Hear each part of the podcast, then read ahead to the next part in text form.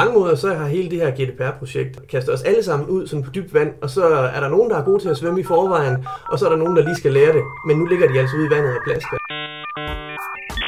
Velkommen til IT Sikkerhed med Cyberpilot. Værterne er Rasmus Vinge og Frederik Nielsen.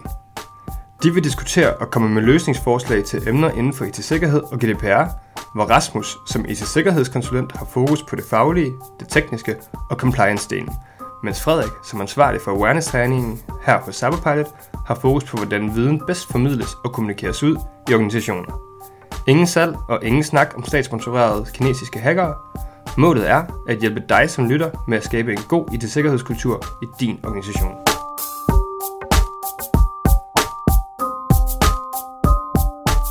Hej Frederik, Hej Rasmus.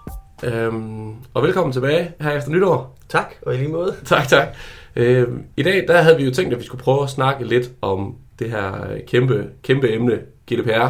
Ja, Og, øhm, og sådan lidt tænkt, at vi skulle prøve at starte sådan, bare sådan lige med at reflektere lidt over, hvad er GDPR egentlig for en størrelse, og, og hvorfor, hvad er så status her anno 2020? ja. Uden nødvendigvis at komme ned i, hvad man skal gøre, og, øh, og hvor det bærer hen af, men, men mere prøve at se på, hvad er det for noget, som vi som menneskehed, øh, samfund er blevet udsat for, og hvordan har vi taklet det. Ja. Så, øhm, så der, der tænker jeg sådan lidt, at, at, at vi sådan skal, i hvert fald sådan min refleksion af, af det her GDPR, det har været, jeg synes, det har været sådan en, en lang, lang rejse faktisk allerede. Øh, man kan sige, det er jo først noget, der blev implementeret her i, i maj 2018. Ja. Det vil sige, der vil vel være det sådan noget halvand, lidt over halvanden år gammel. Ja, Øhm, men det var noget, som også levede før det.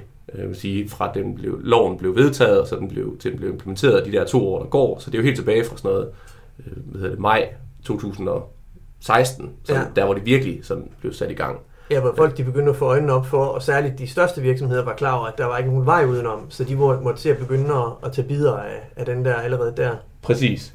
Øhm, men jeg tror sådan, min, min altså hele, hele vejen igennem det her GDPR-ræs, øh, der har jeg været sådan meget påpasselig med, også i vores forretning her, sådan at, altså, det her med at, at male blod på væggen. Fordi ja. jeg synes virkelig, at det har været sådan et, når man så det lidt fra sidelinjen, og også blev involveret i det, synes jeg virkelig, det har været sådan et projekt, eller sådan et, et, hvor der virkelig har været mange, der har stået og råbt, sådan, ulven kommer. Ja, der har jo været nogle gode sådan, elementer at tage fat i, sådan de der kolossale bøder, man kunne få. Altså det var noget, folk kunne forstå, at det satte ligesom øh, alvor øh, omkring det hele, ikke? Altså det, det skræmte. Ja. Øhm, og så var der også hele den bølge, som havde gået forud, hvor det var, at folk de var begyndt at være rigtig godt trætte af alt det dataindsamling, og, øhm, og følte sig på mange måder snydt og bedraget af, af, af det, man kunne kalde det vilde vesten for data. Øhm, så der var sådan nogle elementer på spil der før, også, synes jeg. Ja, men helt sikkert. Helt sikkert. Men så, det, så det, der sådan, det, der sådan har slået mig, øh, også når vi kigger lidt tilbage på det, det er det, er jo helt klart den der fornemmelse af, at, at det blev sådan en, den der 25. maj 2018 blev sådan en Ja. målstreg. Ja, det var sådan en hard deadline, hvor det var, at man virkelig skulle klemme ballerne sammen for at nå dertil og, og være klar i rette tid. Ja. Ja. Så jeg synes, der var sådan en virkelig sådan en stemning. Øh, Jeg synes, det var sådan alle steds øh, nedvær, nærværende, ja. det her med op til den 25. maj, det her med, at, at der skulle man bare nå i mål. Man havde sådan en fornemmelse af, at folk de sådan helt, helt blodsprængte øjne og, Ja. og kom der og, og skulle bare nå i mål med at få deres, øh, og leve op til det her dokumentationskrav. Det vil sige, Ja. at de skulle, de skulle have sikkerhedspolitik, de skulle have deres persondatapolitik på plads. De skulle have øh, lavet deres øh, data øh, for, øh, fortegnelser, få et overblik over, hvad for noget de, de, de data, de behandlede. Men virkelig bare sådan en, nu skal vi lige nå, sådan nærmest aflevere det til eksamen. Ja, og, og, og det var der nogen, der prioriterede at, at kæmpe sig, øh, at bruge den der deadline som sådan en form for målstreg, øh, som de satte foran sig. Ja. Øhm, og så synes jeg også, at medierne spillede en, en ret stor rolle på det tidspunkt, hvor det var, at det var... Man kunne se, at, at alle de større, største medier havde sådan et, et projekt omkring, at de skulle have fokus på GDPR. Øhm, også som almindelig samfundsoplysning. Så der var virkelig meget øh, op og ned i, i medierne omkring, øh, hvordan det hele ville, ville udfolde sig, og hvad persondata var for en størrelse. Ja. Så alle snakkede om det. ja. Og, Snakker øh, vi om det nu? Kunne man Ja, nu snakker, så snakker vi om det nu. Hvad, hvad snakker vi om det nu? Jeg synes, det der, det der er, sådan hvis vi ser på også dem, som vi snakker med til daglig, der synes jeg helt klart stadigvæk, at GDPR fylder noget. Øhm, og det, det er jeg sikker på, det kommer det til. Men jeg synes også, man kan mærke, at der er sådan en stemning af, at jamen, vi mangler stadigvæk lidt at se, hvad det her det er ude, øh, endelig sådan ude, eller ender ud i, Ja, øh, for os, øh, eller for dem, som befinder sig i det her sådan mellemstore store virksomheder. ja. Hvor man kan sige, jamen de helt store virksomheder, jamen det tror de er, de har købt ind på den her for lang tid siden, og det kan man også sådan se på diverse stillingsopslag og på LinkedIn og så videre, at der, der er efterhånden kommet en del sådan nogle data protection officers og, Ja. og compliance officers ude i større virksomheder, i kommuner og, mm. og så videre. Øhm, men, men, det, men jeg synes især ved de her sådan, små og mellemstore virksomheder, der mangler det sådan at blive, altså der mangler at blive sat strøm til, sådan at det også bliver noget, der, der kommer til at leve i, i hverdagen. Og det hænger jo bare sammen med, at det er en kæmpe mundfuld at gå i gang med. Øhm, altså, de få sådan, sådan enkeltmandsvirksomheder og så videre, som jeg har snakket med, øhm, også helt små virksomheder, ja, der kan man bare mærke, at de folk, som sidder og har ansvaret for den virksomheds drift, de bliver helt opgivende og kede af det, når de skal til at arbejde med, med, med så omfattende et projekt, øh, som det er at, at få løftet deres virksomhed op til at være compliant. Ja, og det, det tror jeg egentlig, det, altså, det er jo lidt det der, det, er- det er dyrt at være den første. Ja. Det er dyrt at være den første, der skal, der skal vise, at de er, at de er fuldstændig GDPR-compliant. Og, øhm, og der tror jeg, at, at det, det bliver jo rigtig spændende at se, hvordan de her, øh, de her sager, øh, datatilsyn, de, øh, de første tilsyn, når, når der ligesom bliver truffet nogle endelige konklusioner på det, hvad der så, hvad, hvad det ender ud i. Ja, fordi det, det der er sådan interessant, synes jeg, om, omkring den måde, som... Fordi vi snakkede lidt om, inden vi gik, inden vi gik herind i boksen for, for at optage vores podcast, det her med, at, at det også er lidt en, en, øh, en skræmmende størrelse, GDPR. Altså, den spiller på de her helt store øh, frygtscenarier for, hvor det er, at man bliver ikke godkendt eller fundet, øh, fundet øh, for dårligt til at behandle persondata, og alle de konsekvenser, det kan have for ens virksomhed. Så det, det er jo sådan en stikprøve-mentalitet, øh, som ligesom... Øh, øh, den er baseret på. Fordi det er jo for umuligt at kontrollere alle, jamen så laver man nogle strikse krav og siger, at vi kan komme og besøge jer på et øje, altså med et øjebliks varsel, og så skal vi kunne se, hvordan alting ser rigtigt, altså om alting ser rigtigt ud. Og det, det har jo sådan, øhm, jeg kan huske, at, at øh, der er sådan en, en fransk teoretiker, der hedder Michel Foucault, som, som har sådan en, en teori omkring det, der hedder panoptikon, altså et fængsel, hvor vi alle sammen ved, at vi på et tidspunkt kan blive betragtet, men ikke kan se, om nogen betragter os lige nu. Og det kræver jo, at vi, at vi sidder i vores celle på en måde, og ikke kan flygte. Øh, Ja. Fordi at det kan godt ske, at, at, hvad kan man sige, at fængsels, øh, hvad kan man sige, vagten er, er nede i kantinen, men det ved vi ikke. Så hvis vi begynder at grave hul i muren og prøve at snyde udenom, så kan vi potentielt blive set. Så det internaliserer den proces, at, at vi skal holde øje med os selv. Øhm, Ja. Og det synes jeg, det, det, det, når man ser på, hvordan helt almindelige mennesker fortolker det, øhm, så, så synes jeg, det kan godt virke lidt komisk en gang imellem. Det er selvfølgelig også rigtigt, altså det er jo selvfølgelig, fordi de har en rigtig udfordring, så det er jo ikke på den måde sjovt, men det er sjovt, hvordan det bliver omsat i, i menneskers hoved, hvordan at de som enkeltpersoner skal leve op til tingene. Og man kan sige, det der, det der er jo netop lidt kernen i GDPR, det er jo det her meget krav til, at du selv skal være, at du selv skal kontrollere dig selv. Ja, Men, øh, og det er også meget fint, at man Ja. skal det, men indtil du har set, at der rent faktisk er en udefra kommende, der kommer og giver et rap over nallerne ja. til en af de andre øh, fanger, Ja. øh, jamen så kan det måske være svært at, sådan et, at, at, at, at motivere sig selv til virkelig at få sat gang i den her selvkontrols øh, proces. fordi man ved ikke, hvor linjen skal ligge henne. Øh, er det helt i orden, for eksempel, når nogen ringer, må man godt skrive deres navn og telefonnummer ned?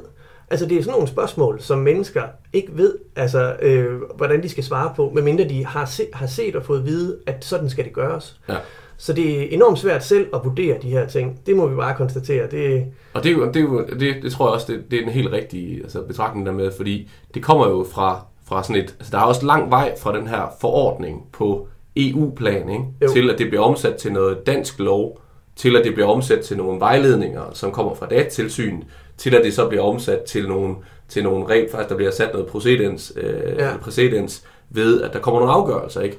Og, og det er bare en modningsproces, hvor man kan sige, hvis man er lille, mm. så er det bare rigtig dyrt at, at gøre de der vurderinger. Ja. Fordi hvis du er lille, jamen, så har du brug for at kigge på nogle andre, og så sige, de gjorde A eller B, Ja. og A blev fundet for let, og B var okay. Godt, Præcis. så skal, vi, så skal vi nok vælge B.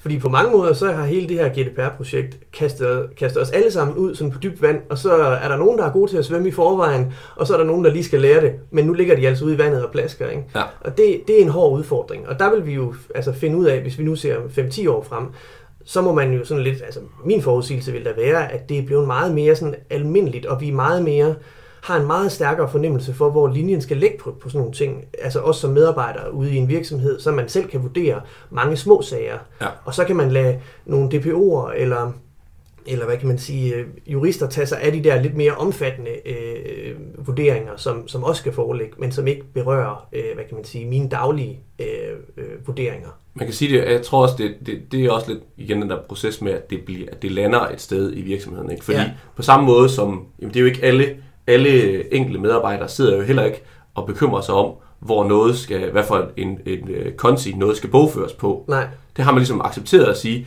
det behøver jeg ikke at koncentrere mig om. Jeg ved, jeg har nogle grundlæggende retningslinjer omkring, hvordan jeg skal forholde mig til vores økonomi, og hvordan vi Præcis. bruger pengene. Men ellers så skal jeg, det skal jeg sned over til regnskabsafdelingen. ja, så der er systemer sat op, og. Ja. de støtter, øh, de, de er sådan et, et godt stilas, og så er der den her med, at man bliver lidt mere sådan, øh, får en god mavefornemmelse omkring, hvordan man, man faktisk øh, agerer hensigtsmæssigt. Ja. Ja. Og det er det der, sådan, det der helt grundlæggende niveau, som der nok stadigvæk mangler, og så så igen det der med, at, at, at det så bliver skubbet et sted hen.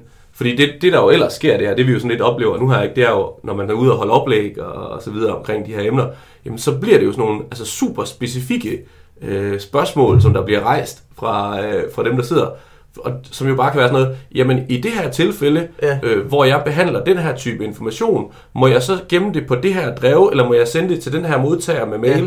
hvor man bare står sådan lidt, øhm, altså det, det er jo fuldstændig umuligt for mig at Ved du svare ikke på. det? Ved du ikke det? Er det ikke dig, der Er det ikke dig, der arbejder med den slags der? Altså, hvis du ikke ved det, hvordan skal jeg så vide det? Ja. Og det er, jo, det er jo klart. Altså, det, er jo det, det viser jo bare det der helt behov for sådan konkrete afklaringer, ja. Ikke? Som, som er stort, og det må man nok bare acceptere, det hører med at starte noget, der er så omfattende. Ja. Øhm, og vi kommer nok til at se tilbage på os selv, som værende nogle, nogle aber, der har rendt rundt lidt i bur og ikke helt vidst, hvad for et sted vi skulle... Øhm, ja, hvad ved jeg. Jeg kan ikke lige videreføre den der. Men lidt, øh, lidt, lidt uerfaren. Men jeg tror, det, jeg tror, det kommer sådan meget tilbage til det der med at sige, jeg tror, det er sådan helt naturligt for os øh, mennesker. Jeg tror også, det ligger rigtig meget til den der danske kultur, det der med, at vi vil gerne, altså nu er der kommet noget, så vil vi gerne løse det. Ja, Altså, og så forsøger vi den der, den super simple, den, de der, vi vil bare gerne have nogle, nogle nemme regler, vi bare lige kan forholde os til. ja, Men det er der bare ikke rigtig nogen, der kan give os endnu, fordi det hele det her GDPR er bare ikke blevet modnet. nej. Øhm, så, så så bliver det sådan meget, jamen, du skal gøre A eller B, eller jeg har behov for at vide, om jeg må gøre A eller B. Ja. Og, og der er vi nok bare ikke endnu. Nej. Øhm, og, og det er den der rejse, som jeg helt sikkert tror, at det kommer til at, og som du også selv siger, over de næste 5-10 år, der er det noget, der kommer til at dryppe nedad fra de allerstørste ned til de allermindste. Ja. Øh, og så finder det sit leje på et tidspunkt. Ja. Det har vi set med så mange andre ting, synes jeg. Ja. Øhm, Så derfor så tror jeg også, at hvis vi sådan skal prøve at vente til at sige, hvad er det så, hvis man, sidder, hvis man nu sidder i en virksomhed her, Ja. øhm, hvor øh, som er måske et sted, ja, whatever, sådan 100-200 mands virksomhed, Ja. hvor man måske ikke er kommet så frygtelig meget videre med hele det her GDPR-dags, jamen, så tror jeg også, det er et spørgsmål om ligesom at acceptere, at jamen, der er ikke nogen grund til at slå et kæmpe stort brød op. Mm. Altså, der er ikke nogen grund til, at, altså, jeg, jeg vil være bekymret, jeg vil være sådan lidt tilbageholden for at, at, ligesom at, at starte et eller andet projekt, hvor vi siger, nu skal vi bare nå det hele. ja, Jeg tror jeg meget mere, det drejer sig om at få en dialog med sin, med sin chef omkring at sige, nu tager vi nogle steps frem mod det her. ja, Øh, og, og så kan det godt være, at vi ikke er 100% i mål, ja, men, men lovgivningen, øh, tilsynsmyndighederne, øh, de andre øh, tidligere sager osv., det skal lige falde på plads. Men, men vi bliver nødt til at, sådan at, at komme i gang med at gøre et eller andet. Og det er jo, bare- sådan fungerer virkeligheden bare, ja. Fordi altså, så er der også de få, som virkelig var artige og sørgede for, at alt, hvad, i hvert fald alt, hvad de overhovedet kunne klare, skulle på plads. Og som du sagde, det fik de nok lidt blodsprængte øjne af. Ja. Øhm, Og det er bare en rigtig dyr proces. ja, Så det tror jeg, det, der, det vil være rigtig svært at få den her opbakning til. Og det er også svært at få den opbakning til nu her halvanden år efter. Især hvis du kommer til en chef nu her halvanden år efter og siger, nu skal vi gøre det her. ja, Øh, så vil vedkommende nok sige, jamen er der kommet nogle bøder? Øh, Hvad er risikoen bag? præcis, fordi udmeldingen var rimelig klar fra datatilsynet, at nu har I fået to år. Ja. Ja. Så efter den 25. maj der, så skal det virke. Så, altså, det, det er den løbebane, I har fået. Men sådan, sådan fungerer mennesker bare ikke så godt. Altså, vi, vi ser en deadline, og så begynder vi at undskylde os lige snart, vi krydser den. Ja. Og, og det, det er jo nok den virkelighed, der er. Øhm, hvor lovligt det så end er. Men altså, jeg tror helt sikkert, at det her GDPR-emne er noget, vi kommer til at vende tilbage til, fordi vi prøver sådan at bryde det op i nogle af de her mindre emner. Men jeg tror, det der var tanken her i første omgang, det var også lige, lad os nu lige prøve at komme lidt op i helikopteren, og så prøve at, at finde ud af, hvad er sådan status her Ja. øh, 2020. Øhm, Og så, men- synes, så snakkede vi også lidt om, at, at der, var jo, der var nogle gode ting sådan på, på falderæbet der fra, fra den 25. maj, der, altså noget vi lige kunne se tilbage på. Der var der nogle, nogle, nogle et par sjove historier, som ligesom havde festet sig. Ja, fordi det, det tror jeg, det vi begge to sad med en oplevelse af, det var det her med, at, at det blev sådan lidt, sådan lidt halvkomisk øh, Ja. op mod øh, deadline der. Altså for det første, så dengang man vågnede op der øh, den 25. maj, øh, så kunne man og, og kigge i sin i en indbakke første gang, kunne man jo bare se, hvor mange, øh, hvor mange nyhedsbreve man egentlig var tilmeldt. Ja, Øh, som man måske nærmest ikke engang havde en anelse om, man var tilmeldt. Fordi Ja. nu, nu kom de alle sammen lidt, lidt med, hånden i, med hatten i hånden og sagde, må vi ikke godt lige få et samtykke her? ja så, var, så var bordet ligesom vendt. Ja. Så- øh, så der tror jeg i hvert fald, der har, der der i hvert fald været nogen, der har stået der lidt tilbage med en, en e-mail-liste, som er blevet væsentligt reduceret. Det er der sikkert mange, der kan genkende det til at skulle starte lidt forfra. Ja, på den 100 del. procent. Øhm, men ellers så synes jeg også, det var sådan lidt sjovt at se der med, at der var nærmest sådan nogle, altså der var nærmest sådan nogle industrier, nogle, nogle produkter, som fik sådan en helt revival, som nu, Ja. ja. nu kunne de lige pludselig slå sig på, at nu er det ikke bare øh, et produkt, som det har været før, nu er det også di- direkte et, et GDPR-produkt. Ja, ja. Øh, og en af dem, jeg synes virkelig var sjove at se, det var det, var det her, øh, altså det var makulatorer, Ja, Som til, var- at, til at makulere... Øh, papir. Nå, ja, persondata, som skal ja, ja. ud af verden. Fordi ja. ja. lige så blev det jo løsningen på, på alverdens GDPR-compliance, og, og det her med, at man kunne forestille Slet sig... alt. At slet alt. At, øh, at der stod øh, mange øh, virksomheder rundt omkring, eller, som, som havde de her gamle papirarkiver, og så kommer makulatoren jo frem som der, den der, den frelsende, frelsende held. Ja. Øhm, Jeg minder om en scene fra en amerikansk film, ikke, hvor det er, at, øh, at skattetilsynet står lige udenfor, og nu er det med at få... Så Ja. det synes jeg i hvert fald var lidt interessant. Øh, at, øh, En, en af de bedste, øh, der var i den, det var, det var faktisk øh, min fætter, som har arbejdet på, ved, ved det firma, der hed Morfars på et tidspunkt, Ja. hvor han lavede sådan en, en, en ret sjov video af, hvor han tog sådan en, en øh, racerbils motor Okay. og koblede til sådan en, en makulator, øh, hvor han jo, Jens Bø og Tommy er, er fantastisk på kamera, Ja. Øhm, altså virkelig fik lavet, fik lavet sådan en tunet makulator, som bare spyttede ind, og som, som så kom med de berømte ord. Det der, alle ved, at jo hurtigere du makulerer, jo, jo mere GDPR-compliant er du. Ja, Så, øh, men, øh, men ja, der, der er i hvert fald ikke nogen tvivl om, at, at det her GDPR, det, øh, det, det, det fylder meget, det har fyldt meget. Øh, det fylder måske, det er måske sådan opmærksomheden på det for de små, mellemstore, har måske været lidt nedadgående. ja, Øhm, men, men det er noget, som, som vi bliver nødt til at forholde os til. Øh, Og det er også derfor, det er noget, et emne, vi kommer til at forholde os til. selvfølgelig, Øh, vi kommer til at dykke ned, også i nogle mere sådan, hvad kan man sige, hvor vi kommer ned og berører nogle lidt mere sådan øh, kernefaglige ting omkring det. Ja. Øh, men øh, vi synes ligesom, at vi lige skulle, skulle se det hele lidt andet først, og også øh, se på det med lidt, lidt menneskeligt perspektiv. Øh, Yes. Ja. Så, øh, men hvis I sidder derude og har en speciel sådan udfordring i forhold til GDPR, et bestemt emne, som I synes, at der kunne være interessant at få, øh, få belyst, så, øh, så skriv endelig en mail til os på info så vil, vi, øh, så vil vi rigtig gerne høre fra jer, og især omkring øh, det her område, hvor det virkelig bliver interessant, der hvor, hvor lovgivningen møder, møder hvad hedder, virkeligheden. ja, Så, øh, men jeg tænker, det var ordene for i dag. det var alt. Godt, tak for det, Frederik. I lige måde, Rasmus. Tak fordi du lyttede med på podcasten. Husk at trykke abonner, hvis du gerne vil have besked, når næste afsnit er klar. Du kan også tilmelde dig vores nyhedsbrev på vores hjemmeside. Her vil vi løbende komme med opdateringer.